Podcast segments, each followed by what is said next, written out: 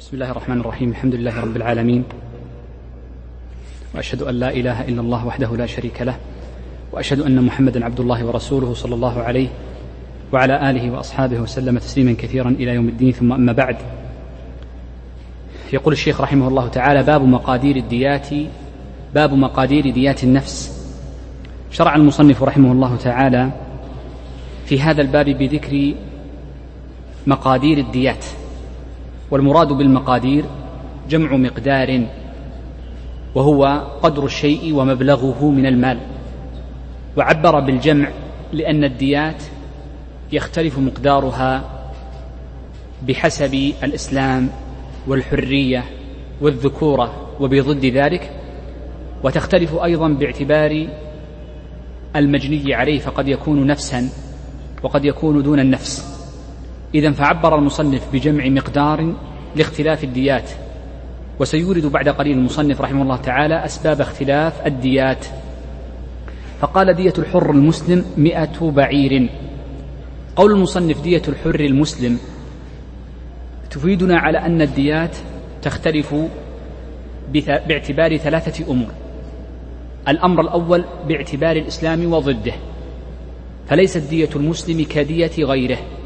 ولذلك بدأ بذكر دية المسلم ومقدارها ثم سيورد بعد ذلك دية غير المسلم.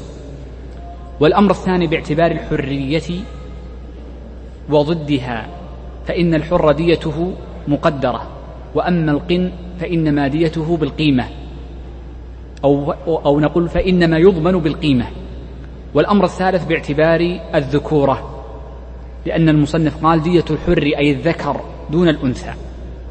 قول المصنف رحمه الله تعالى دية الحر المسلم. هذه تشمل كل من صدق عليه هذا الوصف بأن كان ذكرا حرا مسلما. ويشمل ذلك الكبير والصغير في السن. ويشمل ذلك أيضا الصحيح والسقيم أيضا والقوي والضعيف. فلا فرق بين هؤلاء جميعا. قال دية الحر المسلم مئة بعير. الدليل على أنه تجب مئة بعير في الدية ما ثبت عند أبي داود وابن ماجة من حديث جابر أنه قال فرض رسول الله صلى الله عليه وسلم في الدية على أهل الإبل مئة من الإبل وهذا نص في المسألة. قال أو ألف مثقال ذهب. المراد بالمثقال هو الدرهم عفوا هو الدينار وهو يعادل أربع جرامات وربع كما مر معنا كثيرا. فالمثقال هو الدينار. وهو أربع جرامات وربع. وقول المصنف أو يدل على التأخير وسيأتي هل هذا أصل أم هي أصول متعددة بعد قليل عند كلام المصنف في الجملة التي بعدها.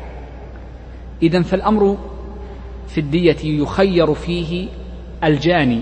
هل يدفع مئة من الإبل أو أن يدفع أربعة آلاف ومئتان وخمسون جراما من الذهب؟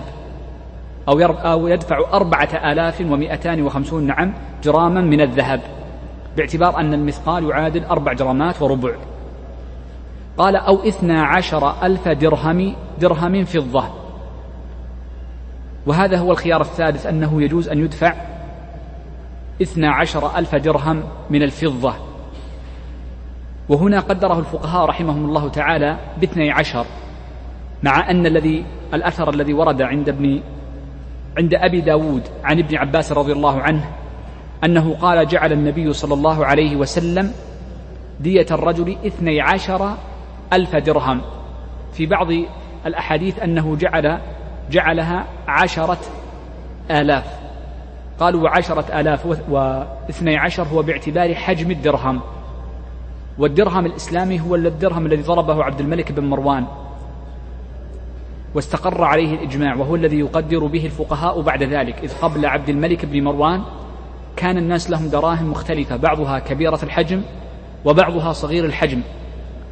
حتى جاء عبد الملك بن مروان وضرب درهم الذي يسمى بالدرهم الإسلامي وهو يعادل تقريبا جرامان وخمسة وتسعون بالمئة. إذا فقول المصنف اثنا عشر ألف درهم فضة أي باعتبار الدرهم الإسلامي الذي ضربه عبد الملك بن مروان وهو يعادل جرامان وخمسة وسبعون. اضرب اثني عشر ألفا في اثنان وخمسة وسبعين تخرج لك النتيجة المتعلقة بجرامات الفضة. قال أو مئة أو مئتا بقرة. والدليل على مئتي بقرة وألف شاة حديث جابر المتقدم عند أبي داود وابن ماجه النبي صلى الله عليه وسلم فرض في الدية على أهل الإبل مئة من الإبل وعلى أهل البقر مئتي شاة وعلى أهل الشاء ألفي شاة ألفي شاة. آه، بالنسبة للإبل يشترط في سنها ما سيأتي بعد قليل فقد فصل. وأما البقر فإن الفقهاء يقولون لا بد أن يكون البقر إما مسنا أو تبيعا. إما ذكرا أو أنثى لا سواء ولكن لا بد أن يكون كذلك إما مسنا أو تبيعا لأن هذا هو الذي يجزئ. وأما الشياه فإنه يجوز أن تكون ثنايا أو جذعة نصفين نصف ثنايا ونصف جذعة. أو يكون الجميع جذعا أو تكون الجميع جذع فإن الجذع يكون أكبر. ولذلك يقولون إن الثنايا إما تكون من الضأن أو المعز وأما, وأما الجذع فلا يكون إلا من الضأن لأن جذع الضأن يكون ستة أشهر. طيب. آه، طبعا دليل الذهب والفضة ما سبق معنا من حديث ابن عمر ابن عباس رضي الله عنهما عند أبي داود أن النبي صلى الله عليه وسلم جعل دية الرجل اثني عشر ألف درهم ومثله الذهب يأخذ حكمه كما في حديث عمرو بن حزم الحديث المشهور وهو الأصل في باب الديات. حتى قال ابن عبد البر وغيره أجمع أهل العلم على العمل بحديث عمرو بن حزم على إرساله في باب الديات. وفي حديث عمرو بن حزم أن النبي صلى الله عليه وسلم قال على أهل الذهب ألف مثقال. يقول المصنف رحمه الله تعالى هذه أصول الدية. قول المصنف هذه أصول الدية هذا مبني على مشهور المذهب فإن مشهور المذهب أن الدية أصولها خمسة الإبل والبقر والغنم والذهب والفضة. ودليلهم في ذلك أنه قد ورد عن النبي صلى الله عليه وسلم التقييم بها جميعا ولم يجعل أحدها أصلا. وأما الحلل فقالوا إنما هو من باب التقييم لا من باب التقدير ابتداء. وينبني على قولهم إن هذه هي الأصول عدد من المسائل.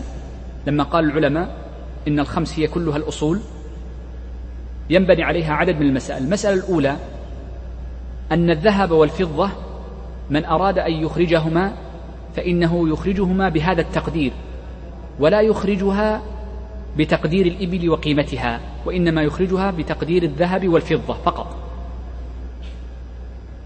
يعني ألف مثقال ذهب أو اثنى عشر ألف درهم من الفضة ليس له أن يزيد عن ذلك ولا أن ينقص. إذا غلت الإبل أو نقصت. هذه المسألة الأولى.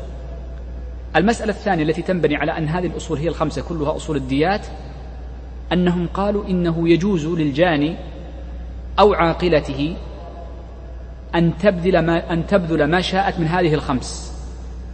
لأنه على سبيل التخيير وهذا التخيير تخيير تشهي. فيختارون ما شاءوا من هذه الخمس فيبذلونه وإن لم يرضى المجني عليه أو أولياؤه. هذه المسألة الثانية. المسألة الثالثة التي تبنى على هذا على قول المصنف هذه أصول الدية أن التغليظ في العمد وشبهه إنما هو خاص بمن بذل الإبل. فلو أن امرأ أراد أن يبذل البقر أو يبذل الشياه أو الذهب أو الفضة فإن دية العمد وشبهه والخطأ سواء لا فرق بينها.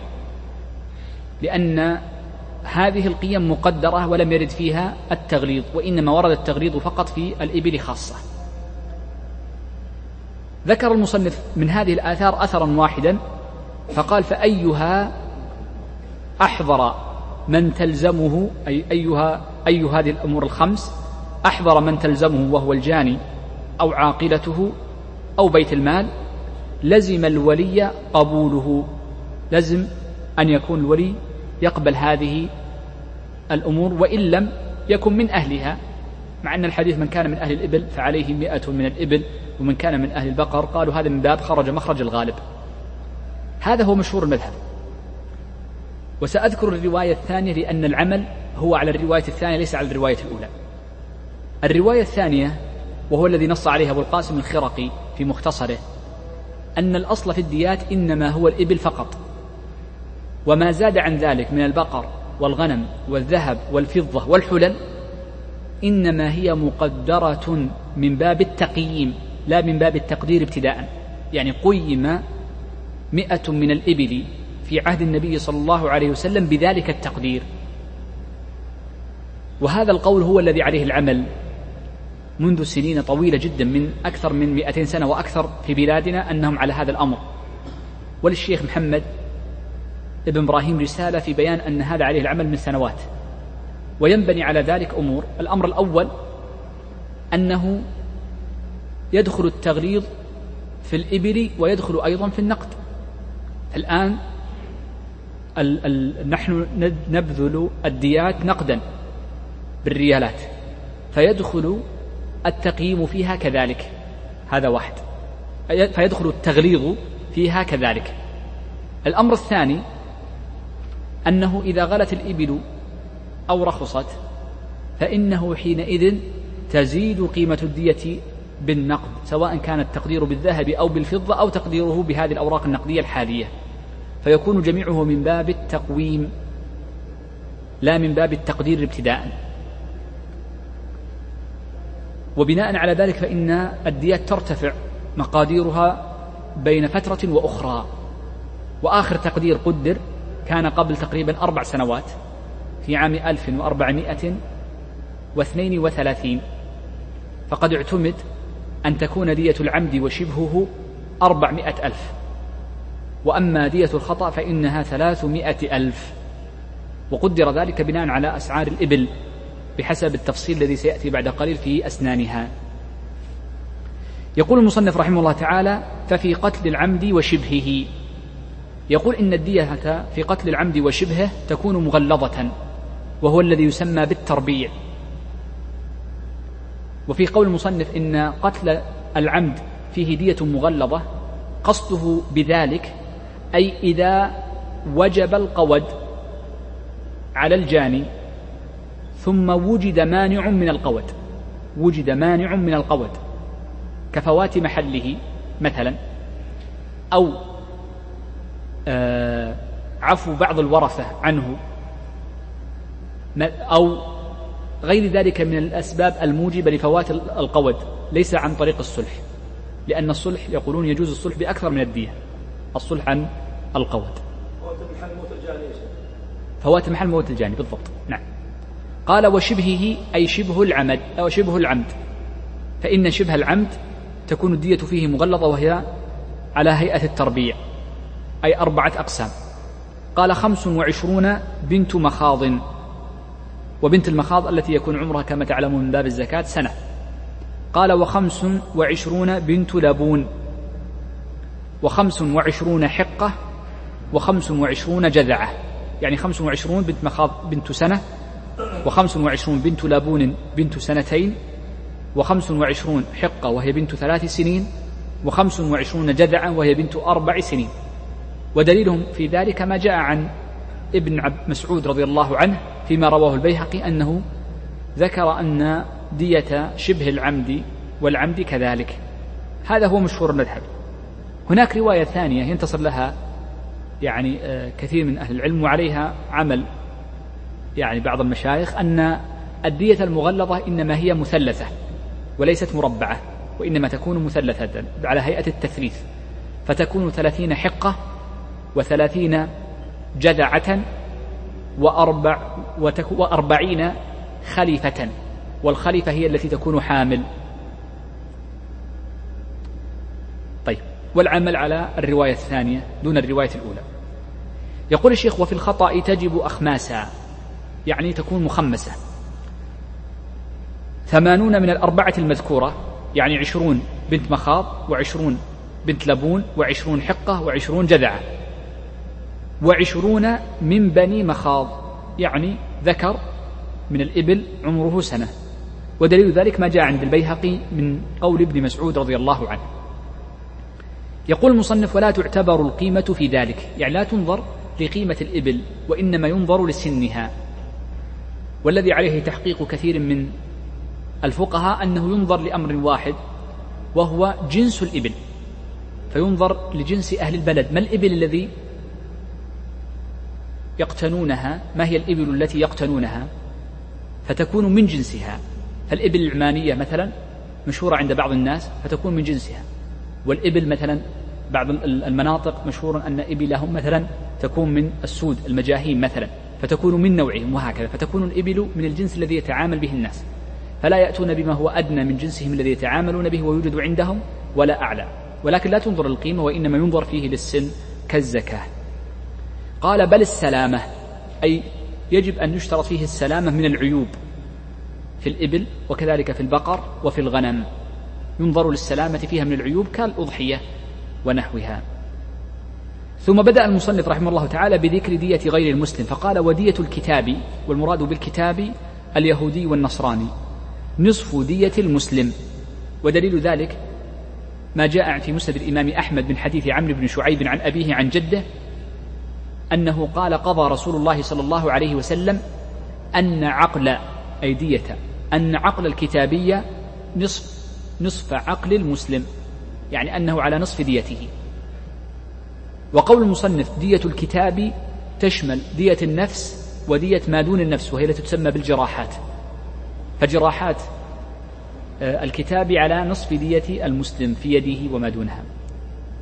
قال ودية المجوسي والوثني ثمانمائة درهم. لأن هذا قضاء عدد من الصحابة بل من الخلفاء الراشدين كعمر وعثمان وابن مسعود رضي الله عن الجميع. قال ونساؤهم على النصف كالمسلمين. قول المصنف ونساؤهم على النصف كالمسلمين فيها حكمان. الحكم الأول هو المشبه والحكم الثاني هو المشبه به. فأما المشبه به فهو الذي قال فيه كالمسلمين وهذا يفيدنا على أن دية المرأة المسلمة على نصف دية الرجل. ودليل ذلك ما جاء في حديث ابن ما حديث عمرو بن شعيب عن أبيه عن جده أنه قال قضى رسول الله صلى الله عليه وسلم أن عقل المرأة مثل عقل الرجل حتى يبلغ الثلث من ديتها. أي إذا جاوز الثلث فإنه حينئذ آه، تكون المرأة على نصف دية الرجل وأما الثلث فما دون فإنه حينئذ تكون مساوية له. طبعا والحديث رواه النسائي بإسناد حسن. قال وقد أجمع أهل العلم على ذلك أجمعوا على أن نصف أن دية المرأة على نصف دية الرجل في الجملة ولم يخالف في ذلك إلا رجلان. أحدهما أبو بكر الأصم والثاني إسماعيل بن إبراهيم بن علية. وأنا ذكرت خلاف هذين الشخصين لفائدة. أنك أنه كثيرا في كتب الفقهاء ما يذكرون خلاف هذين. واعلم أن كل مسألة خالف فيها هذان الرجلان فإن خلافهم غير معتد به مطلقا. لأن هذين أصول لأن أصول هذين الرجلين تخالف أصول أهل السنة عامة. فهم لا يستدلون بأي حديث عن النبي صلى الله عليه وسلم إلا أن يكون الحديث متواترا بشروط قاسية ولذلك هم هذا الاثنان من المعتزلة. وقد اتفق الفقهاء على عدم الاعتداد بخلافهم. إسماعيل بن إبراهيم بن علية أبوه من كبار المحدثين وهو على رجال الشيخين ولا شك لكن ابنه إسماعيل كان من المعتزلة بل من غلاتهم في الاستدلال ولذلك فإن له اجتهادا غريبا خرق فيه إجماعات كثيرة. نبهت على هذا لما؟ لأن بعض الباحثين حينما يرى قولا لهؤلاء يقول هذا قول موجود وهو خلاف محكي. فنقول إن هذا الخلاف ملغي ولا عبرة به نص عليه غير واحد من أهل العلم. نعم. إذا هذا المشبه به وأما المشبه, المشبه فإنه قوله ونساؤهم أي ونساء الكتابي والمجوسي والوثني على النصف من دية الرجل وهذا من باب القياس على المسلمة.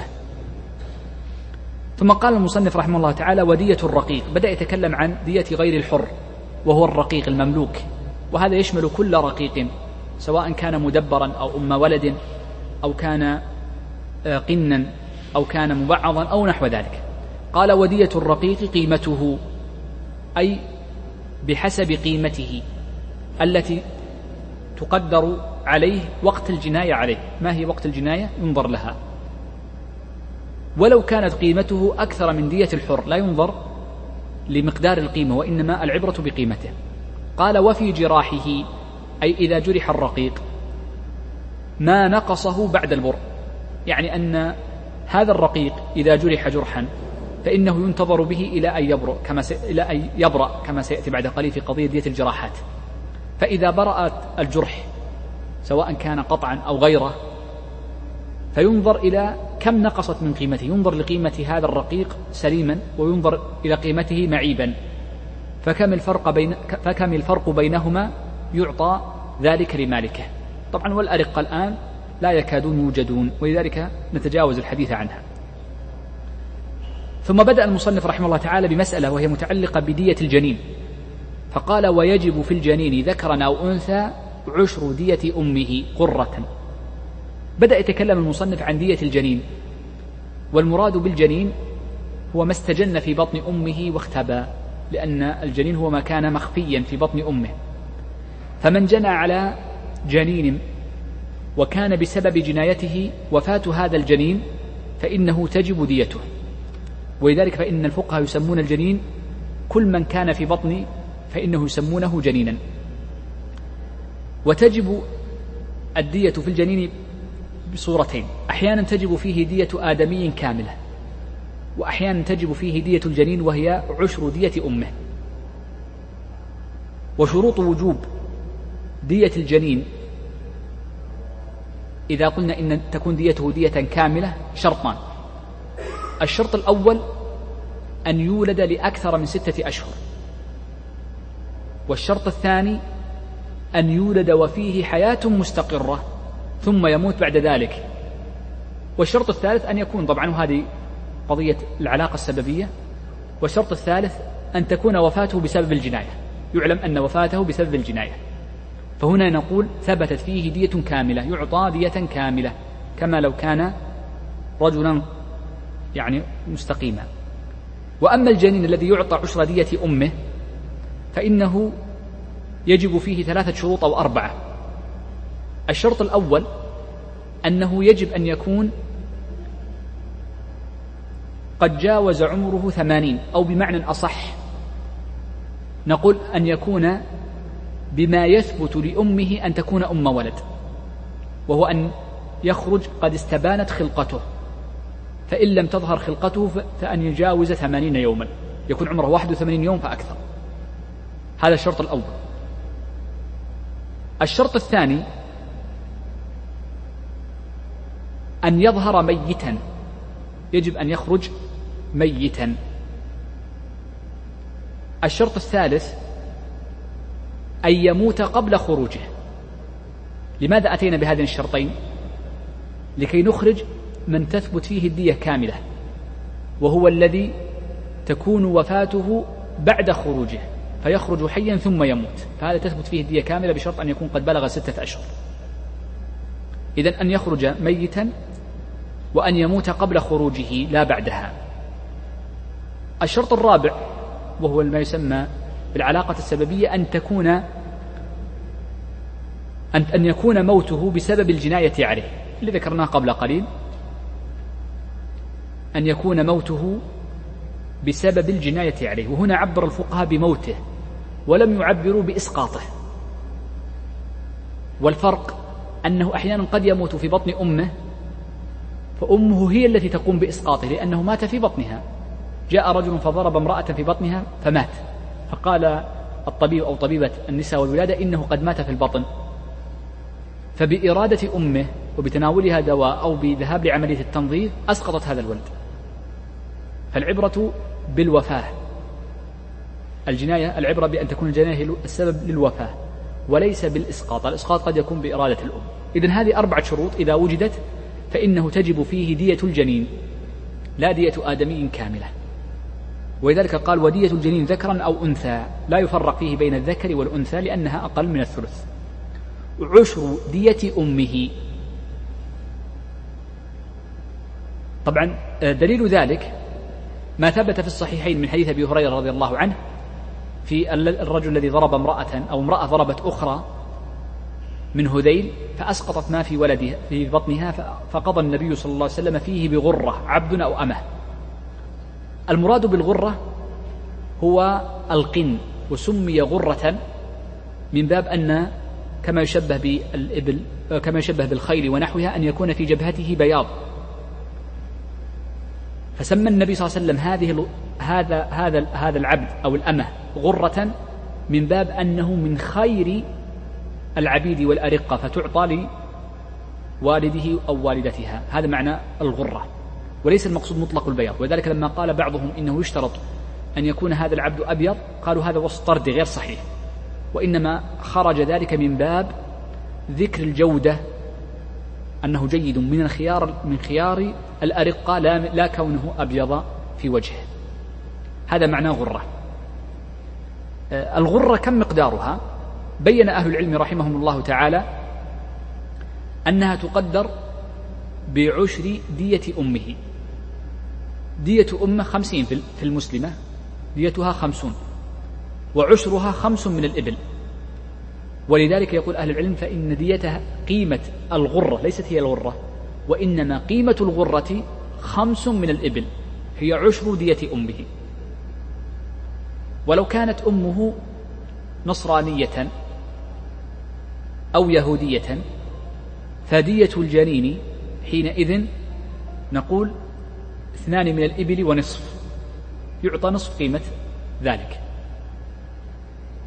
وإن كان آه، مجوسيا فدية أمه المجوسية أربعمائة درهم نصفها عشرها آه، أو آه، نعم نصف عشرها أو أو نعم أربعمائة قسمة عشرة أربعين درهم وهكذا بهذه الطريقة. طيب. عندي مسألة قبل أن ننتقل لما بعدها. كيف نعلم دين هذا الولد؟ أحيانا قد يكون دين الأب والأم متحد فحينئذ نحكم بأن الجنين حكمه بدين أبويه. لكن إن اختلف دين أبويه كان أبوه مسلما وأمه نصرانية فهل نقدره بدين أمه أم نقدره بدين أبيه القاعدة عند أهل العلم أن هذا الجنين يقدر تقدر ديته بخيرهما بخير أبيه وأمه دينا. فإن كان أحدهما مسلما حكمنا بأن الجنين مسلم ولو كانت أمه هي المسلمة وأبوه هو النصراني.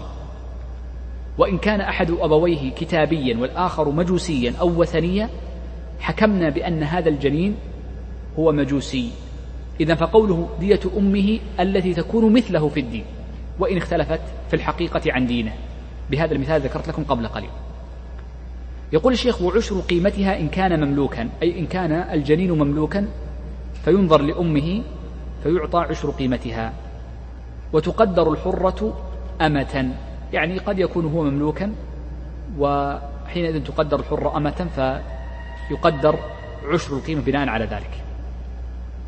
يقول الشيخ رحمه الله تعالى وإن جنى رقيق خطأ أو عمدا لا قود فيه أو فيه قود واختير فيه المال أو أتلف مالا بغير إذن سيده تعلق ذلك برقبته. هذه مسألة في الأرقة نأخذها بسرعة وهي يقول إن هذا الرقيق الذي يملكه شخص آخر إذا جنى جناية فيها خطأ أو جنى جناية عمد ولكن سقط القود لأي سبب من الأسباب. سواء كانت الجناية على النفس أو ما دونها. قال أو فيه قود. كانت الجناية فيها قود لكن اختار صاحب الحق المال. قال أريد المال وهو الدية. وكذلك نفس الحكم يأخذ لو أتلف مالا بغير إذن سيده. هذا الرقيق أتلف مالا وأفسده والإتلاف له صور كثيرة مرت في باب الغصب. قال تعلق ذلك برقبته أي تعلق الضمان برقبة هذا الرقيق. فيخير سيده أي مالك ذلك الرقيق بين ثلاثة أمور. إما أن يفديه بأرش جنايته يعني ينظر ما الذي وجب على رقيقه فيخرجه هو من ماله هو أي مال السيد. قال أو يسلمه إلى ولي الجناية فيملكه. فيقول هذا الرقيق ملكك. سواء كانت قيمة الرقيق أقل من الجناية أو أكثر يقول هو لك. أو يبيعه أي يبيع الرقيق ويدفع ثمنه. يدفع ثمنه إلى آه، من له من عليه الجناية وله الحق فيعطيه إياه سواء كانت آه، لو كانت قيمته أقل فليس له إلا القيمة وإن كانت أكثر يعني قيمة العبد أكثر من قيمة الجناية فإن السيد يأخذ ما زاد عن قيمة الأرش في الجناية. آه، بدأ المصنف بعد ذلك في ذكر ديات ما دون النفس. فقال باب دية الأعضاء ومنافعها. الجناية إما أن تكون على النفس بالإتلاف وهو الموت وإما أن تكون على ما دون النفس. والذي على ما دون النفس له صور. أحيانا يكون إتلافا لعضو بلا منفعة وأحيانا يكون إتلافا لعضو مع منفعته وأحيانا يكون إتلافا لمنفعة بلا عضو. وأحيانا يكون جروحا والجروح أفرد لها المصنف بابا مستقلا. وكلامنا في هذا الباب عن الأنواع الثلاثة إتلاف العضو أو إتلاف العضو ومنفعته أو إتلاف المنافع مع بقاء الأعضاء. المراد بالمنافع هي اسم فاع اسم المصدر من من النفع وهو الغرض الذي خلق الله عز وجل له العضو. وسيأتي بعد قليل ما هي أهم المنافع. هناك منافع كثيرة منها السمع البصر الذوق الكلام الصوت. هناك منافع متعددة. ذكر أهل العلم. سيشير لها المصنف في الفصل الذي ضمن هذا الباب. يقول الشيخ من أتلف ما في الإنسان منه شيء واحد كالأنف واللسان والذكر ففيه دية النفس. الأشياء التي تكون في جسم الإنسان أحيانا وهي الأعضاء قد يكون لا يوجد منه في الجسم إلا شيء واحد مثل الأشياء التي ذكرها المصنف هنا. وهناك أشياء في الجسد لا يوجد منها إلا شيئان كاليدين وسيذكر المصنف حكمها بعد قليل. وهناك أشياء يوجد منها في الجسد أربعة أشياء أو أو ثلاثة أشياء خلينا نبدأ بالثلاثة. هناك أشياء توجد ثلاثة أشياء وهو الأنف. فإن الأنف ينقسم إلى ثلاثة أقسام سيذكره المصنف كذلك. وهناك أشياء في الجسم أربعة كالأجفان ونحوها. وهناك أشياء تكون خمسة. وهي آه، منافع الذوق. فإن الذوق خمسة أشياء. سنذكرها المصنف كذلك. وهناك عشرة. وهي الأصابع. وهناك ما هو دون العشرة وهي الأنامل التي تكون تحت الأصابع. بدأ المصنف رحمه الله تعالى بذكر النوع الأول الذي منه شيء واحد. فقال من أتلف ما في الإنسان منه شيء واحد. كل شيء من شيء واحد فإن فيه دية كاملة لأنه إذهاب للمنفعة بكلها. وقد جاء عند البيهقي بإسناد لا بأس به أن النبي صلى الله عليه وسلم قال وفي السمع الدية وفي السمع الدية في حديث عمرو بن حزم. وذكر غير ذلك من المنافع. فكل ما يذهب المنفعة والعضو كله فحينئذ فيه الدية.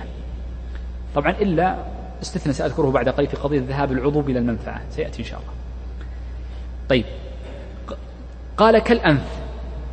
فمن قطع أنف امرئ فإنه يجب فيه الدية. والمراد بالأنف هو المارن فقط. المارن. هذا هو المارن الذي يكون لينا. وهو ينقسم إلى ثلاثة أقسام. وسيورد المصنف التقاسيم الثلاثة فيه بعد قليل. قال واللسان. واللسان معروف. فمن استأصله بكليته ففيه الدية. وإن قطع بعضه فبنسبته وكذلك الأمر قال والذكر. فمن قطع الذكر من أصله وجبت فيه الدية كاملة. ومثل الذكر الحشفة فإن الحشفة في قطعها وحدها تجب الدية كاملة. حشفة الذكر تجب فيها الدية كاملة. وقد ذكر أهل العلم أن الحشفة مع الذكر كالأصابع مع اليد. وبناء على ذلك انظروا معي. فمن قطع الذكر كله من أصله وجبت دية واحدة كاملة. ومن قطع الحشفة وحدها فقط وجبت الدية كاملة. ولكن من قطع الحشفة وحدها ثم بعد ذلك جنى جناية ثانية بقطع الذكر وجبت دية ووجب حكومة في الذكر. والجناية على الحشفة كثير جدا. تمر على المحاكم كثيرة جدا وغالبا تكون من الطبيب الذي يقوم بالتختين فكثير من الأطباء عندما يقوم بتختين الطفل الصبي الصغير أو الكبير فإن الكبير أيضا يختن قد يخطئ في عمله فحينئذ يؤدي إلى إتلاف الحشفة. فإذا ثبت الخطأ في في جنايته فحينئذ تلزمه الدية كاملة. دية الخطأ وهي ثلاث مئة ألف. طيب. ثم قال المصنف وما فيه شيئان. فإن فيهما جميعا الدية وفي أحدهما نصفها. قال كالعينين. أي تجب الدية في العينين. ولو كانتا أي العينين ولو كانتا فيهما حول أو عمش. فإن وجود الحول والعمش لا يمنع من ثبوت الدية فيها بخلاف ما لو كانت غير مبصرة. فليس فيها الدية وإنما فيها الحكومة. وسيأتي الحكومة في الدرس القادم. قال والأذنين. فالأذنان فيهما الدية كاملة إذا استؤصلتا كاملتين وفي أحدهما نصفها وفي بعضها نسبتها. قال والشفتين أي وتجب الدية في الشفتين إذا قطعتا. ويلحق بهما إذا قطعتا فيما إذا شلتا لو أنه شل الشفتين. أو كانت أو جنى على الشفتين فأصبحتا لا تنطبقان. أصبح دائما الشخص يفتح فمه وهذا كثير جدا لأن الشفة تتعلق بالأعصاب. فقد يضرب شخص آخر فيؤثر على أعصاب شفتيه فتصبح شفتاه دائما مفتوحة وأسنانه دائما ظاهرة.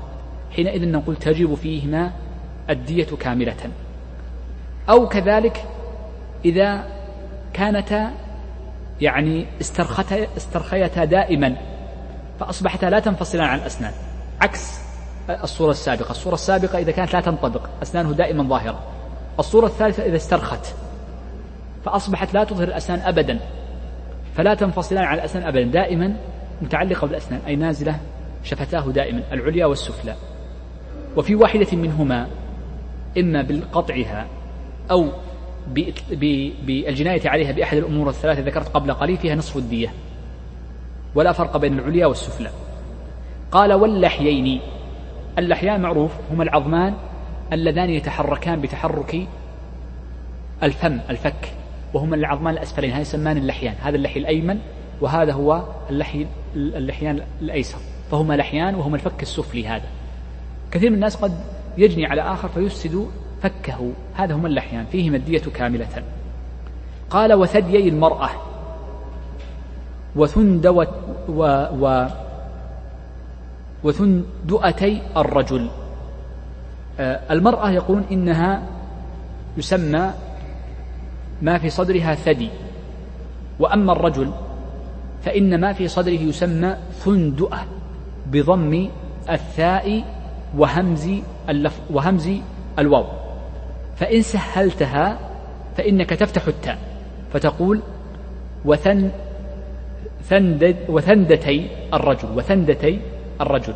وأما إن همزت فتقول وثندؤتي الرجل. فهنا بالضم يكون معها همز وبالفتح تكون بالتسهيل. طيب. المراد بالثندؤة قالوا هو محل الثدي أو مغرز الثدي. يعني بمثابة حلمة الثدي وما يتعلق به. وبعض اللغويين ذكر ذلك الجوهري في الصحاح فإن الصواب في كتابه يقولون الصحاح بفتح الصاد لا الصحاح بالكسر. كذا قاله بعض المعاصرين. فقد ذكر الجوهري أنه يصح تسمية ثندؤتي الرجل بالثدي. قال وقيل لا الرجل لا يسمى لا تسمى ثندأ ثندأ ثندأ ثندأته ثديا. نعم. قال واليدين ففي اليدين معا الدية وفي أحدهما نصف الدية. انظر معي. اليد تجب فيها الدية إذا قطعت إما من الكوع أو مما فوقه. والرجل تجب فيها الدية إذا قطعت من الكعب أو فيما فوقه. وبناء على ذلك فنبدأ باليد. فلو أن رجلا جنى على آخر فقطع كفه من الكوع الكوع هو هذا هو الرسخ. لأن بعض الناس يظن أن المرفق هو الكوع هذا ليس كوعا الكوع هو المفصل الذي يكون فاصلا بين الكف وبين الذراع. ويسمى الكوع والكرسوع ومجموعه ما يسمى زندا. وذلك هو عظماء الزند. هذا الكوع إذا قطع من فيه نصف الدية كاملة. فإن قطعها من علو من المرفق نقول تجب فيها نصف الدية نفس المقدار. فإن قطعها من أعلى شيء من الكتف فكذلك. نفس الحكم نفس المقدار. طيب. إن قطعها أقل من ذلك قطع فيما دون نقول هذه لا تجب فيها الدية وإنما ينظر لقيمة الأصابع فتقدر بقدرها وسنتكلم عن أصابع بعد قليل. فإن زاد عن ال- ال- الكوع إلى نصف الذراع ما الحكم؟ نقول فيها نصف الدية سواء قطعها من مفصل أو قطعها من غير مفصل وهذا واضح. انظروا الصورة الثانية. لو أنه جنى على امرئ وقطع كفه فقط ثم بعد فترة جاء وقال ما دام الدية واحدة أتى وقطع ذراعه. فتجب عليه كم؟ نقول تجب عليه دية كاملة للكف وتجب حكومة للذراع. الحكومة مصطلح سنتكلم عنه لأنه مهم جدا في الدرس القادم مهم جدا لأنه تغير تعبير الفقهاء قديما عن العمل عليه الآن. فتجب حكومة. آه، أن تكون ليست في وقت واحد. ليس في وقت واحد. ولو ولو قبل البر. ولو قبل البر. يعني لو حتى يقول لو كانت بضربتين في مجلس واحد. حتى لو كانت بضربتين في مجلس واحد. فتعتبر جنايتين لا جناية واحدة لكن الجناية الواحدة التي تكون تبعا تدخل فيها. طيب. طيب. إذا عرفنا اليدين. الرجلان كذلك مثلها. فإنها تجب الدية إذا قطع من الكعب. وما زاد نفس الكلام الذي سبق. قال والإليتين. انظر معي. الإليتان معروف هي أسفل الظهر اللحم الذي أو الشحم الذي يكون أسفل الظهر. عندنا مسألة مهمة ما ضابط الإليتين؟ نقول القاعدة عند الفقهاء رحمهم الله تعالى أن الإلية هي كل ما علا عن الظهر وعن استواء الفخذ. إذا هذا هو ما هو تسمى الإلية. فمن اعتدى ووصل قطعه إلى حد استواء الفخذ واستواء الظهر وجبت الدية كاملة وإن لم يصل إلى العظم. ليس العبرة بالعظم الوصول للعظم. وإنما المقصود باستواء الظهر واستواء الفخذ. هذا هو الحد الذي يجب. فإن نقص عن ذلك يعني نقص عن هذا الحد وإنما قطع بعضها فهي حكومة تقدر بقدرها وسيأتي إن شاء الله. قال والأنثيين المراد بالأنثيين معروف أنثيا الرجل وهما الخصام. قال وإسكتي المرأة كذلك ففيهما الدية. وفي واحد من الأنثيين والإسكتين فيهما نصف الدية. قال وفي أحدهما نصفها أي في كل ما سبق. يقول الشيخ بدأ يتكلم الشيخ عما فيه ثلاث أشياء في الجسد. قال وفي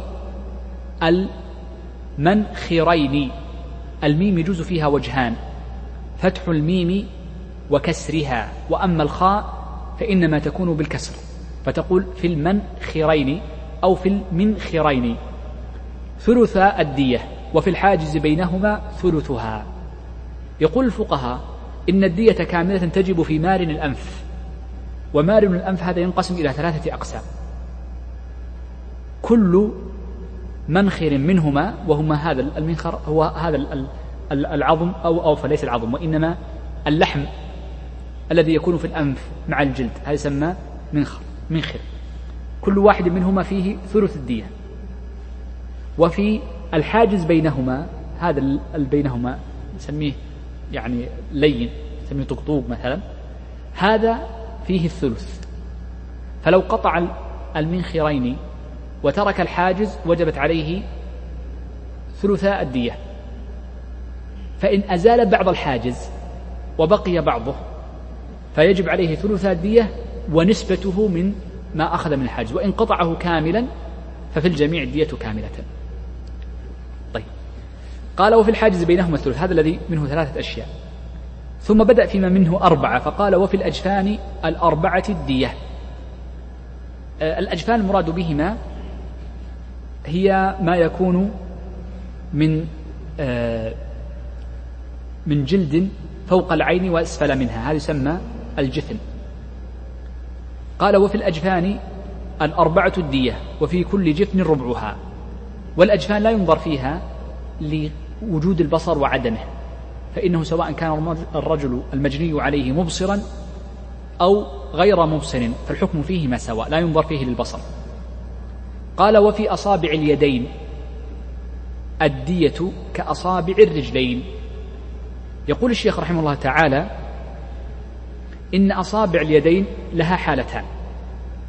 الحالة الأولى أن تقطع الأصابع كلها يأتي واحد فيقطع أصابع اليدين معا. فإذا قطع الأصابع العشرة كلها من اليد وجبت دية كاملة لذهاب جميع الأصابع. وهذا معنى قوله وفي أصابع اليدين الدية كأصابع الرجلين. يعني من قطع العشرة كلها وجبت الدية كاملة أو قطع العشرة كلها من القدمين وجبت الدية كاملة. هذه الحالة الأولى. الحالة الثانية إذا قطع كل إصبع على سبيل الانفراد. قال وفي كل إصبع طبعا إصبع وأصبع يصح فيها عشر لغات. وفي كل إصبع عشر الدية لأنه منه عشرة فيكون في كل واحد عشرها. وهذا واضح. يقول الشيخ طبعا دليله ما جاء عند الترمذي وصححه الترمذي أن ابن عباس ذكر أن دية أصابع اليدين والرجلين عشر من الإبل لكل إصبع لكل إصبع منها يكون عشر من الإبل. قال وفي كل أنملة ثلث عشر الدية. إحنا قلنا كل أصبع فيه عشر الدية وعشر الدية عشر من الإبل. وفي كل أنملة الأنملة هو المفصل الذي يكون في كل أصبع وكل أصبع فيه ثلاثة أنامل. في كل أنملة ثلث هذا العشر ثلث عشر من الإبل. قال والإبهام مفصلان. أما الإبهام وهو الإصبع الذي يكون فيه مفصلان فقط ففي كل أنملة منها نصف العشر. إذا كل أنملة فيها ثلث عشر الدية إلا الإبهام فكل أنملة منها فيها نصف عشر الدية. وهذه القسمة فيها واضحة ولا إشكال فيها لحديث ابن عباس. قال والإبهام مفصلان وفي كل مفصل نصف عشر الدية أي من مفاصل الإبهام. كدية السن. انظر معي. دية السن هذا مشكلة شوي. آه، أولا الفقهاء رحمهم الله تعالى ذكروا أن غالب الناس تكون عدد أسنانهم اثنين وثلاثين سنا. انظر هذا العدد سيأتي بعد قليل. الجناية على السن لها صور. الصورة الأولى التي توجب الدية الجناية التي توجب الدية ليست الجناية التي توجب الحكومة. الجناية التي توجب الدية لها صور. الصورة الأولى أن يقلع السن من أصله أي بجذره ويسميها الفقهاء قلعه بسنحه. فحينئذ تجب فيه الدية كاملة. الصورة الثالثة الصورة الثانية عفوا أن يكسر الظاهر كله ما يبقى من الظاهر شيء لكن يبقى الجذع. سنخ الجذع السن باقي ولكن الجزء الظاهر منه هو الذي أزيد فتجب فيه الدية كاملة. والشرط في هذين الأمرين السابقين أن لا يعود السن مرة أخرى فلو نبت مرة أخرى فإن كان نباته مثل الأول أو أحسن فلا دية مثل واحد جنى على آخر في سن لبنية فأسقطها. واحد ضرب صبي صغير فخرج فانكسر السن اللبني فننتظر حتى ينبت فإن نبت السن مثل الأول أو أحسن فلا دية وإن نبت مائلا ففيه الحكومة. أريد أن تعرف هذه المسألة. الصورة الثالثة التي تجب فيها الدية كاملة إذا كسر سن آخر ثم نبت ولكنه نبت أسود. شوف لابد أن يكون أسود ليس أحمر ولا أصفر ولا مائل لابد أن يكون نبت أسود. فمعناه أنه ميت. فحينئذ تجب فيه الدية كاملة. إذا تجب الدية كاملة في السن في ثلاث حالات. إذا قلعه مع جذره إذا كسر الظاهر ولم يبقى من الظاهر شيء لو كسر بعضه ففيه نسبته بالنسبة والتناسب. الأمر الثالث إذا كسره ثم نبت أسود. ثم نبت أسود. طيب هذه المسألة الأولى. المسألة الثانية أن الواجب في السن إنما هو خمس من الإبل كما قال المصنف. نصف عشر الدية. عشر الدية عشر من الإبل ونصفها خمس. ففي كل سن من الأسنان التي يجنى عليها خطأ أو ما دون الخطأ أو أو غير الخطأ فإن فيه خمس من الإبل. خمس من الإبل. طيب. قال أهل العلم لا يفرق بين سن وغيره. لا ينظر فرق بين الناب والقواطع أو بين الناب والأضراس أو بينها وبين سن العقل كلها سواء. والدليل على ذلك حديث عمرو بن حزم في صحيفته في العقول أن النبي صلى الله عليه وسلم قال وفي السن خمس من الإبل. لم يفرق النبي صلى الله عليه وسلم بين نوع من الأسنان وغيرها. كل الأسنان سواء. كل الأسنان سواسية. طيب. طيب انظر معي هنا. نحن قلنا إن كل سن فيه خمس من الإبل وأغلب الناس له اثنان وثلاثون سنا. فلو حسبت لو أن شخص كسر اثنين وثلاثين سن لرجل فكم يكون عدد؟ يعني عدد ال ال ال الإبل التي بذلها بذل مئة وستين. دية كاملة أكثر من دية دية وزيادة. أليس في ذلك إشكال؟ بلى. يقول الفقهاء رحمه الله تعالى إن الجناية على الأسنان حالتان. الحالة الأولى أن يجني على كل سن على سبيل الانفراد. فحينئذ ففي كل سن خمس من الإبل. الحالة الثانية أن, يجد أن يقلع الأسنان جميعا كل الأسنان يقلعها. تكون الجناية في وقت واحد. فحينئذ لا تجب إلا دية واحدة فتتداخل. فتكون بمثابة تقريبا ثلاثة أخماس الدية التي تجب على سبيل الانفراد. لا تجب إلا مئة لا تجب له إلا مئة من الإبل فقط. بعد ذكر المصنف رحمه الله تعالى لدية الأعضاء بدأ يتكلم عن دية المنافع. وسأذكر قاعدة يعني مهم التنبيه لها قبل أن نبدأ بدية المنافع. ذكرت لكم قبل قليل أن الجناية على ما دون النفس التي تكلم عنها المصنف ثلاثة أنواع. إما أن تكون جناية على العضو وحده أو على العضو مع المنفعة أو الجناية على المنفعة وحدها. الأعضاء التي ذكرها المصنف السابقة الأصل أن الجناية عليها تدخل فيها المنافع. ولذلك عندنا قاعدة أريد أن تنتبهوا لها. يقول العلماء إن المنافع تندرج ديتها في دية الأعضاء. كل منفعة تندرج ديتها في دية العضو. لأن الجناية على العضو جناية على منفعته. من قلع عيني شخص هو قلع عينيه وأذهب بصره. من قطع رجلي شخص فقد قلع أذهب العضوين وذهب المنفع وهي المشي. وهكذا. هذا هو الأصل. إلا عضوين فقط. هذان العضوان الجناية عليهما غير الجناية على منفعتهما وهما الأذنان والأنف. فيقولون إن السمع ليس متعلقا بالأذن وإنما السمع متعلق بتجويف داخل الأذن. فمن جنى على امرئ وقطع أذنيه وأذهب سمعه وجبت عليه ديتان فلا تندرج دية المنافع في دية العضو في الأذنين وكذلك في الأنف. فيقولون إن المارد ليس فيه الشم بل الشم يكون فيما دون المارد خلف ذلك. فيمكن للشخص أن يكون محسنا للشم مع أنه قد قطع مارنه.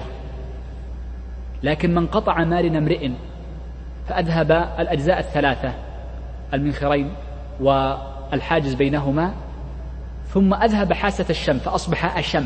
إذا قلنا أشم أي أنه لا يشم. العرب دائما تسمي الشيء بضده تسمي من لا يشم بالأشم وتسمي الضرير بالبصير وتسمي الصحراء مفازة وهكذا. كثير جدا. فإن عليه فإنه يثبت فيه جناية فإنه يثبت فيه دية. إذا ما هي العضو الذي يذهب وحده دون ذهاب المنفعة؟ الأذنان والأنف. هذا الأصل. هذا هو الأصل. إلا في حالة واحدة إذا كان العضو لا منفعة فيه مثل الأشل فهذا ليس فيه دية وإنما فيه حكومة. قد نشير لها إن شاء الله فيما بعد. إذا عرفنا الآن هذا القاعدة. بدأ الشيخ المصنف بعدها في الفصل الذي بعدها بذكر المنافع. فقال وفي كل حاسة دية كاملة. قوله وفي كل حاسة أي منفعة كاملة. دية كاملة. لما مر معنا عند البيهقي أنه قال النبي صلى الله عليه وسلم قال وفي السمع الدية. فيقاس فيقاس على السمع غيره من المنافع. عد المصنف هنا رحمه الله تعالى معنا عشر حواس. عد عشر حواس. فقال وهي السمع وعرفنا دليله والبصر وهو القدرة على النظر إلى الغير والشم كذلك وهذه كلها واضحة. والذوق. طيب كلمة الذوق هذه مسألة يعني تحتاج إلى تأمل شوي لأن الفقهاء رحمه الله تعالى لما تكلموا عن الذوق. كيف يعرف الذوق؟ قالوا الذوق المذاقات خمسة أشياء. فيعطى هذا المجني عليه هذه الأمور الخمسة جميعا. فإن لم يجد طعم هذه الأمور الخمسة جميعا وجبت له دية كاملة لأنه ذهبت الحاسة كلها كلها. وإن وجد واحدا أو اثنين فيعطى بحسبها. ما هي الأمور الخمسة؟ سهلة جدا نعرفها جميعا. الحلاوة مثلا والمرارة أو المرورة والعذوبة والملوحة والأخيرة هي الحموضة. هذه خمسة أشياء معروفة دائما يقاس بها. هذا كلامه يقول وكذلك في الكلام. الفقهاء رحمه الله تعالى بعضهم يدمج الكلام في حاسة الصوت وبعضهم وهي طريقة المتأخرين لكن لم يردها المصنف يفرقون بين الكلام وبين الصوت. فيقول إن الكلام يفارق الصوت. الكلام يقابله الخرس بأن يكون المرء أخرسا ويكون ذلك بعدم القدرة على نطق الحروف. ما يقدر يتكلم بالحروف. واختلف عند المتأخرين أيضا. ما هي الحروف التي تقدر بها؟ المشهور عند المتأخرين أنها تقدر بثمان وعشرين حرفا. المشهورة حروف الهجاء. هذا هذا هذا مشهور وهو المشهور عند في المنتهى وفي الإقناع وفي غيره. وذهب الشيخ منصور في حواشي الإقناع ذكر هذا الرأي في حواشي الإقناع أن الحروف تسعة وعشرون. فقال نزيد الهمزة غير الألف فالآ مخرجه غير الآ. هذا من أعلى الحرف وهذا من أسفله فيجب أن تقدر أو تقسم على تسعة وعشرين حرفا. وذهب الشويكي في التوضيح إلى أنه يقسم على أقل من ذلك فتخرج الحروف الحلقية وهي ستة. قال لأن الحروف الحلقية ليست كلاما حتى الأصم يستطيع أن يقول آ حا فهذه الحروف الكل حتى الصبي قبل ولادته ومعرفته الكلام يقول هذه الحروف. والحقيقة النظر لقضية الكلام كلام الشويكي قد يكون هو أقربها قد يكون هو أقربها. في قضية إخراج الحروف الحلقية فإنها ليست من الكلام وإنما تخرج من الحلق. هذا ما يتعلق بالكلام. ويقابله الخرس وتقسم على حسب الحروف وعرفنا الخلاف في قضية ما هي الحروف التي تقسم عليها. الصوت أمر آخر عندما فرق بينهما. وقال الصوت هو ارتفاعه وانخفاضه. فإذا ذهب الصوت بالكلية لم يستطع أن يتكلم. أصبح صوته معدوما وجبت له الدية كاملة. وإن كان صوته لا يستطيع رفعه كان أول يستطيع رفع الصوت إلى درجة معينة ثم أصبح لا يستطيع أن يتكلم إلا بصوت منخفض أو ببحة فتجب الدية بحسبه. هذا يسمى الصوت. إذا فالصوت يختلف عن الكلام. الكلام متعلق بالحروف والصوت متعلق بقوة ارتفاعه. لكن إذا فقد أحدهما إذا فقد الصوت قطعا فقد الكلام فيدخل الكلام في الصوت. ولذلك بعض أهل العلم يعني يكاد أن يدمج بين الصوت والكلام. طيب قال الشيخ والعقل لأن العقل هو الأصل فإذا ذهب العقل بالكلية فتجب الدية وإن ذهب بعضه بأن كان يقدر بالنسبة بالنسبة ذهاب العقل أو بالزمن كان يذهب عقله أحيانا دون أحيانا فيقدر بقدره سيأتي إن شاء الله. قال ومنفعة المشي. إذا فقد الشخص منفعة المشي جنى على آخر فلم يستطع المشي فوجبت الدية. أو الأكل أي لا يستطيع أن يأكل وإنما يعني يجعل في فمه شيء على هيئة الوجور مثلا أو يجعل له هذه الليات وهذا كثير فتجب فيه الدية كاملة. قال والنكاح المراد بالنكاح هو الوطء. فلو جني على آخر فذهبت قدرته على الوطء. وليس أن يجعله عقيما. العبرة بالوطء لا بالولد. بأن يضرب يضربه مثلا ضربا معينا فيؤثر على صلبه فلا يستطيع يعني أن أن يطأ زوجه. قال وعدم استمساك البول والغائط. إذا جني على آخر فأصبح مستطلق البول والغائط. وبعضهم أدخل أيضا الريح بسبب الجناية. نص عليه بعض المتأخرين وتحتاج إلى تحقيق المذهب فيها. ولكن ما أمكن أن أحقق فيها مسألة الريح. فإنه تجب فيه الدية كاملة. طبعا مرادهم بعدم الاستمساك أي عدم القدرة بأن يمسك وإنما يصبح مستطلق الريح يعني كالسلس البول وخروج الغائط مطلقا. وأما لو جنى عليه جناية ولم يستمر هذا الشيء منه فتجب فيه ثلث الدية كما قضى به عمر رضي الله عنه. فلو أفزع رجل آخر فسلح على نفسه وجبت له ثلث الدية. طيب عندنا هنا مسألتان قبل أن نتكلم عن الشعر ونختم به درس اليوم. المسألة الأولى أننا عندما نتأمل فيما ذكره من الحواس فإن الشيخ رحمه الله تعالى لم يورد حاسة اللمس. وهذا الذي عليه المعتمد أن اللمس ليس فيه دية إلا ما أخذ من كلام الجراعي في غاية المطلب وغيره أنه عد اللمس حاسة. وبناء على ذلك فإن الفقهاء يقدرون فقد اللمس بكل عضو على سبيل الانفراد. فمن شلت يده أو شلت يداه فلهما جناية سنتكلم عنها في الشلل بعد قليل أو في الدرس القادم. ومن شلت يداه وشلت قدماه على المذهب تجب فيه ديتان لفقد منفعة اليدين ومنفعة القدمين. وأما على قول الجراعي عندما جعل اللمس كله منفعة واحدة لم يوجب بها إلا دية واحدة. وضح الفرق؟ يعني عندما لم يعدوا حاسة اللمس منفعة منفصلة نظروا إليها باعتبار الأعضاء. فاللمس في اليدين بالشلل فيه مدية منفصلة وكذلك في القدمين. بدأ المصنف رحمه الله تعالى بذكر بعد ذلك بذكر الشعور وهو مفرد شعر. قال وفي كل واحد من الشعور الأربعة الدية. يعني الشعور التي تجب فيها الدية أربعة شعور سيذكرها المصنف بعد قليل. ما عدا هذه الأربعة ليس فيها الدية. وقوله الشعور يشمل كل شعر سواء كان هذا الشعر خفيفا أو كان كثيفا أو كان جميلا أو قبيحا. أو كان الشعر من صغير أو كبير الحكم فيهما سواء لكن الشرط فيها جميعا أن يجني على الشعر ثم لا ينبت بعد ذلك. بشرط أن لا ينبت. جنى عليه بأن حلقه ولم ينبت بعد ذلك. جنى عليه بأن نتفه فلم ينبت بعد ذلك. جنى عليه بأن وضع عليه مادة منعته من أن ينبت بعد ذلك. الحكم فيه سواء. قال الدية كاملة. قوله الدية طبعا دليلها قضاء علي رضي الله عنه وزيد بن ثابت ولا يعلم له مخالف فيكون مثابة إجماع. وقول المصنف فيه الدية نأخذه نأخذ منه من باب المفهوم وهذا المفهوم صحيح أن أن الشعور لا قصاص فيها مطلقا. فمن جنى على آخر فأذهب شعر لحيته. فلا نقول ولو كانت عمدا لا نقول إن المجني عليه له حق القصاص ليس لك إلا الدية لأنه لا قصاص لعدم إمكان المماثلة. قال والشعور الأربعة التي تجب فيها الدية معنى ذلك أن غير هذه الأربعة لا دية فيها وهي شعر الرأس.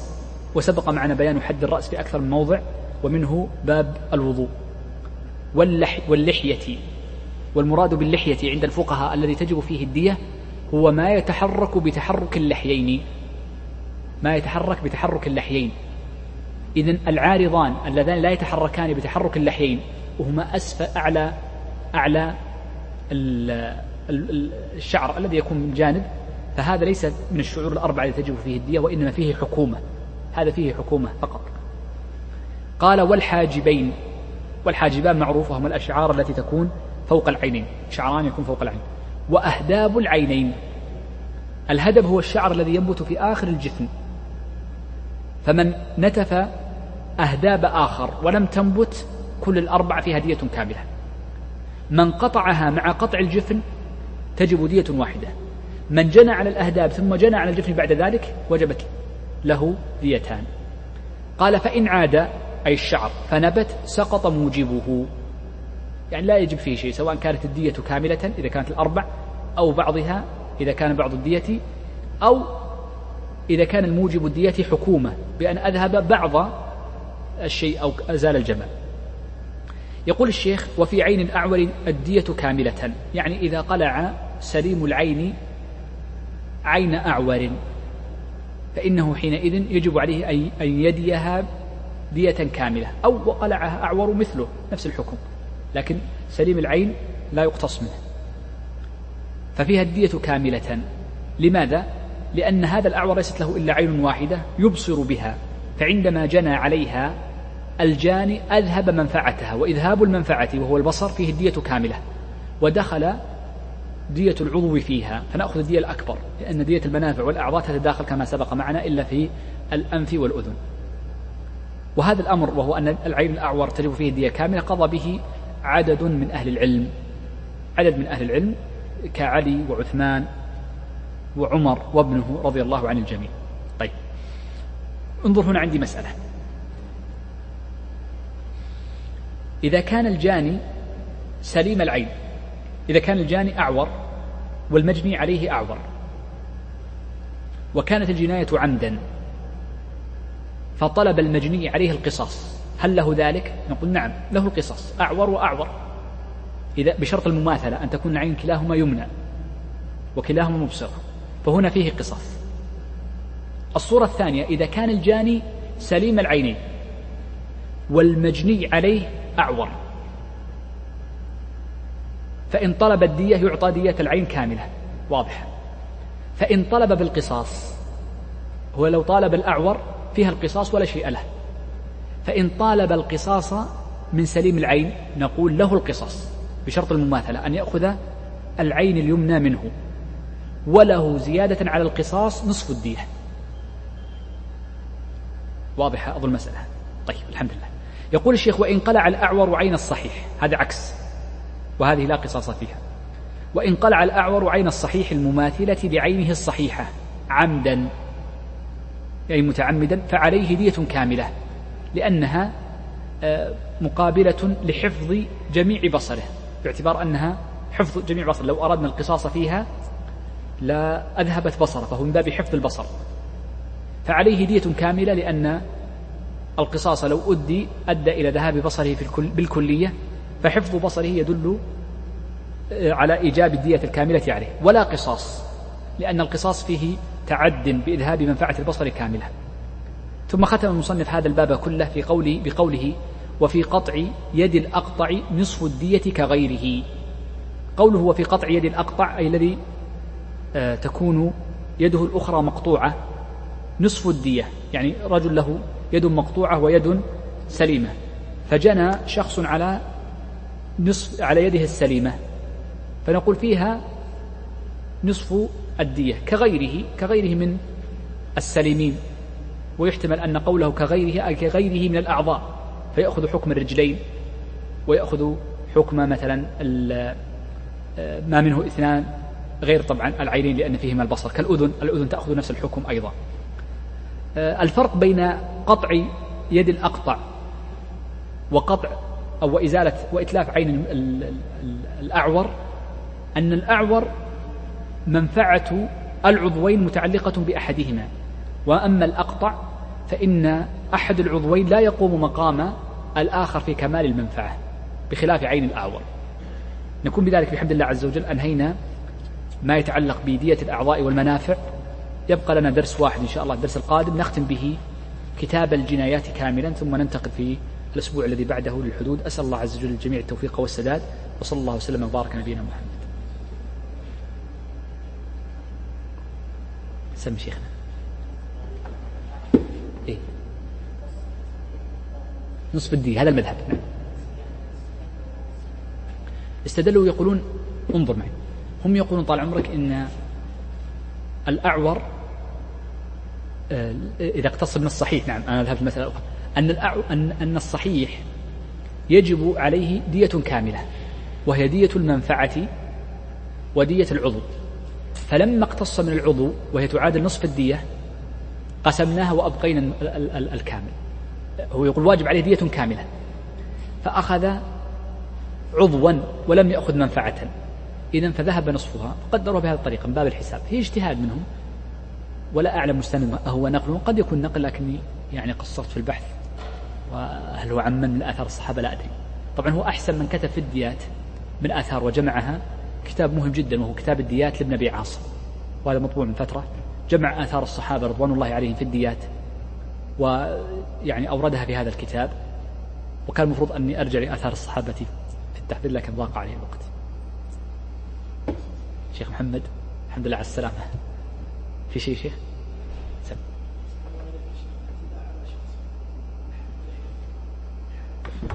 نعم. الشارب ليس فيه دية. ما في دية. فيه حكومة. إذا ما نبت. إذا ما نبت. حلقه ونبت ما في شيء. كذلك اللحية. لكن فيه تأديب. تعزير. يعزر. على مشهور مذهب يعزر بالعقوبات البدنية فقط. وعلى القول الثاني يجوز تعزيره بالمال. فيقال يعزر بمبلغ مالي. لكن العمل على القول الثاني لكن المذهب لا يعزر إلا بالبدن فقط.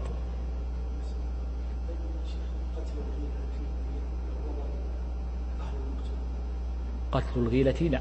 طبعا عند من يقول بالغيلة؟ المذهب ليس فيه الغيلة الغيلة هي الرواية الثانية مذهب أحمد وقول المالكية يقتل قصاصا كالحرابة. ولذلك يذكرون باب يذكرون أحكام الغيلة في الحرابة ما يذكرونها في القصاص ليس لأحد العفو حتى ولي الأمر ليس له العفو. يقتل الشخص؟ بأحد ثلاث موجبات إما حدا إما قصاصا إما تعزيرا. إن حكم القاضي فقال حدا فموجب الحد إما حرابة وفي معنى الحرابة الغيلة. فإن قال أو طبعا آه، نكث عهد. هذه مسألة أخرى نكث العهد فيها تخيير دعها على جنب. فإن قال القاضي يقتل حدا غيلة أو حرابة فليس لأحد العفو لا ولي الأمر العام الملك وليس لأولياء الدم. وإن قال القاضي يقتل قصاصا فليس لولي الأمر العام الملك العفو وإنما العفو لأولياء الدم فقط إن طالبوا بالدم أو لهم حق العفو. النوع الثالث إذا قال القاضي يقتل تعزيرا فيجوز لولي الأمر العفو وليس لأولياء الدم العفو. والقاضي أحيانا كلها جناية على شخص آخر يقتله قد يحكم القاضي بالتعزير قد يحكمه حدا قد يحكمه يحكمه من باب القصاص. كل قضية بناء على ملابساتها وما يتعلق فيها يختلف الحكم. وهي كلها اعتداء رجل على آخر فقتله ثلاث. بتجي الحرابة إن شاء الله عندنا بعد درسين ثلاثة. إيه قتلوا حرابة. أحسنت صفة القتل ستأتي ستأتي. ستأتي إن شاء الله. سم.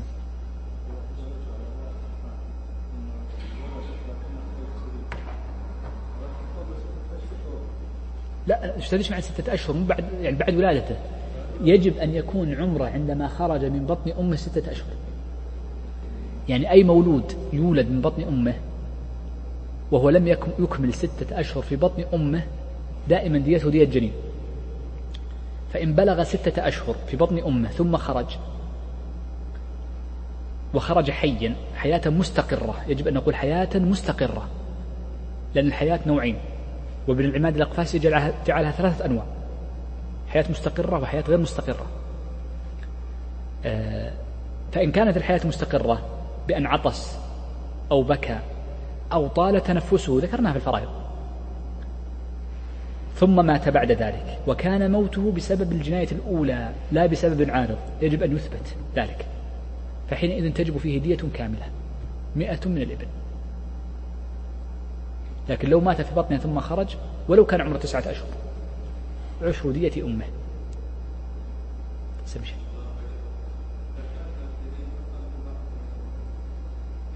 إذا كان أقل من 81 يوم آه، إذا كان أقل من 40 يوم قطعا لم يتخلق. وإن كان أكثر من 40 يوما يعني بين الأربعين والثمانين فنقول ننظر له تنظر له القوابل. القوابل يعني اللي تولد. فإن وجدت فيه مبدأ خلق آدمي يعني بدأ فيه وجه رأس قدمين رجلين يصبح زي يعني رأيتم شوفوا ما إيش اعبر لكم؟ زي البرص يعني يصير. تعرفون البرص يا شيخ؟ الوزغ الوزغ. الوزغ هذا قد يكون مثله أحيانا. يصبح الصبي مثل الوزغ. مثل الوزغ. يخرج من بطن أمه على هيئته تماما بلا ذيل وقد تكون أرجله صغيرة. فإن نظرت القوابل فوجدنا بدء خلق آدمي فحينئذ نقول إنه قد تخلق فتجب فيه دية الجنين. إن كان دون ذلك لا تجب في دية الجنين وإنما حكومة. مقدر حكومة. إذا لم نستطع أن ننظر له المرأة ولدت وقد تقطع الولد تقطع. لم ننظر لشيء منه. نقول حينئذ آه، ننظر هل بلغ 81 يوما فأكثر. إن كان نعم ففيه الدية وإن كان أقل فلا.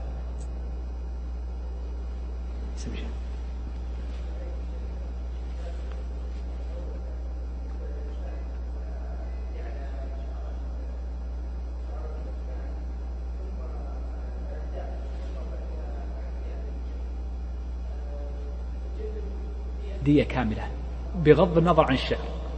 الجفن ليس لأن الشعر ليس جزءا منه بخلاف اليد. اليد والأصابع جزء منه وحلمة الثدي مع الثدي جزء منه. لكن الشعر منفصل تماما عن الجفن منفصل تماما هذا شيء وهذا شيء. لكن يدخل فيه شوف يدخل فيه يدخل فيه من باب التبع لكنه منفصل عنه.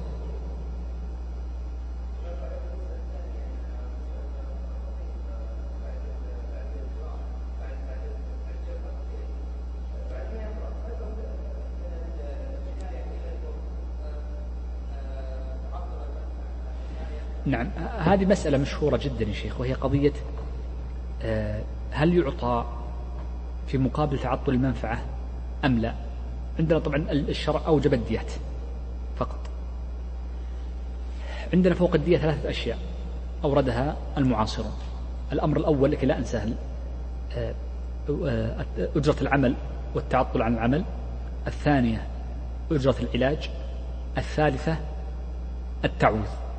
ثلاثة أشياء. نبدأ بأولها التعويض. قالوا التعويض قد يكون عن ضرر مادي فهذا يجوز شرعا وقد يكون عن ضرر معنوي.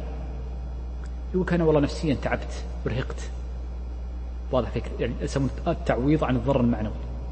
التعويض عن الضرر المعنوي أغلب الدول العربية كلهم تتوسع في باب التعويض عن الضرر المعنوي. وأما فقها فلا يوجد دليل يدل على التعويض عن الضرر المعنوي. بعض الناس يتلمس من بعض القصص مثل قصة عمر رضي الله عنه حينما أفزع رجلا فسلح على نفسه فداه فوداه بثلث ديته قالوا هذا من باب التعويض عن ضرر المعنوي. حقيقة ليس تعويضا وإنما هو استطلاق مؤقت. لم يستطع أن يتحكم بنفسه لكنه مؤقت. ولذلك قالوا هو من هذا الباب وليس من باب التعويض عن ضرر المعنوي. ولذلك كل من كتب من المعاصرين ينظر في كلام الفقهاء قال الفقهاء لا يعتبرون بالضرر المعنوي مطلقا. بعض المعاصرين بدأ يتوسع في هذا الباب ويسعى إلى إثبات التعويض عن الضرر المعنوي اللي هو الضرر النفسي ونحو ذلك. قد طلقت مني زوجتي أنا كنت جلست فترة وخسرت زوجتي مثلا ابتعد مني أبنائي في الحضانة. يأتي بأشياء معنوية.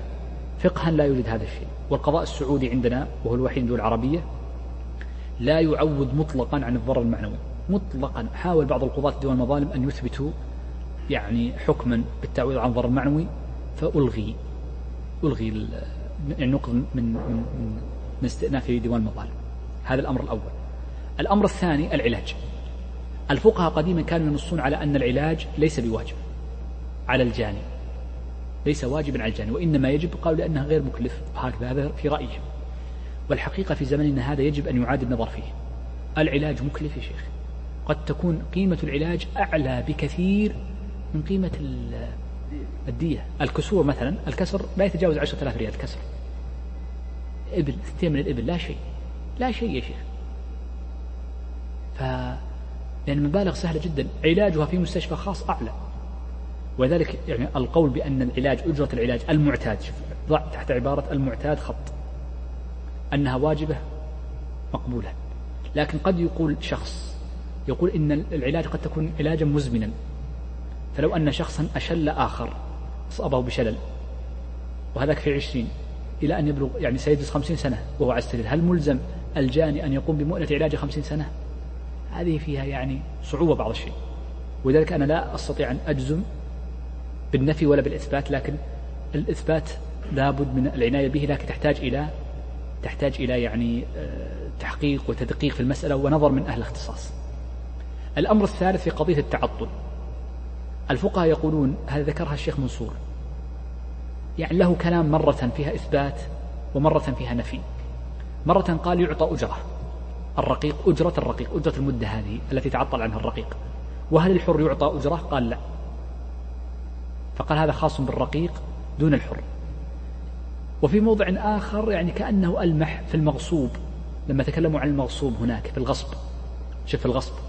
قال من غصب حرا من غصب حرا لزمه أن يرد له أجرته. تذكرون لما قلنا في الغصب ترتب عليه أشياء منها أجرة العين. فإن كان المغصوب حرا قالوا يعطيه أجرته. بعض الناس نقل حكم الغصب هنا فقال يعطى أجرة ليس ليس الأجر الذي يستحقه فعلا لكن مثله يعني مثل الحر لو أراد أن يعمل خمسين ريال في اليوم مئة ريال فيعطيه إياه ما دام متعطلا عن العمل. والحقيقة القول بعدم ضبطها يعني القول بعدم الحكم بها لعدم ضبطها متجه. لكن المسألة تحتاج يعني إلى نظر أعلى. مشهور المذهب لا يعطى لا علاجا ولا يعطى تعويضا ولا يعطى أيضا لا تعويض معنويا أحسن نعم ولا تعويض معنويا ولا يعطى أجرة عن التعطل عن العمل. هذا مشهور المذهب لكن تحتاج تأمل في الثنتين الأخيرين. التعويض المعنوي في مجمع الفقه في شهر سبعة يعني قبل خمسة شهور. عرضت البحوث فيها فكان الأغلب على الرأي الفقهي السائد. وكان ممن كتب دكتور وهبة قبل أن يموت عليه رحمة الله. إيه، فكان هو يرى أيضا جواز التعويض فأجل الموضوع فيما بعد. لم يبتوا لا بمنع ولا بإباحة.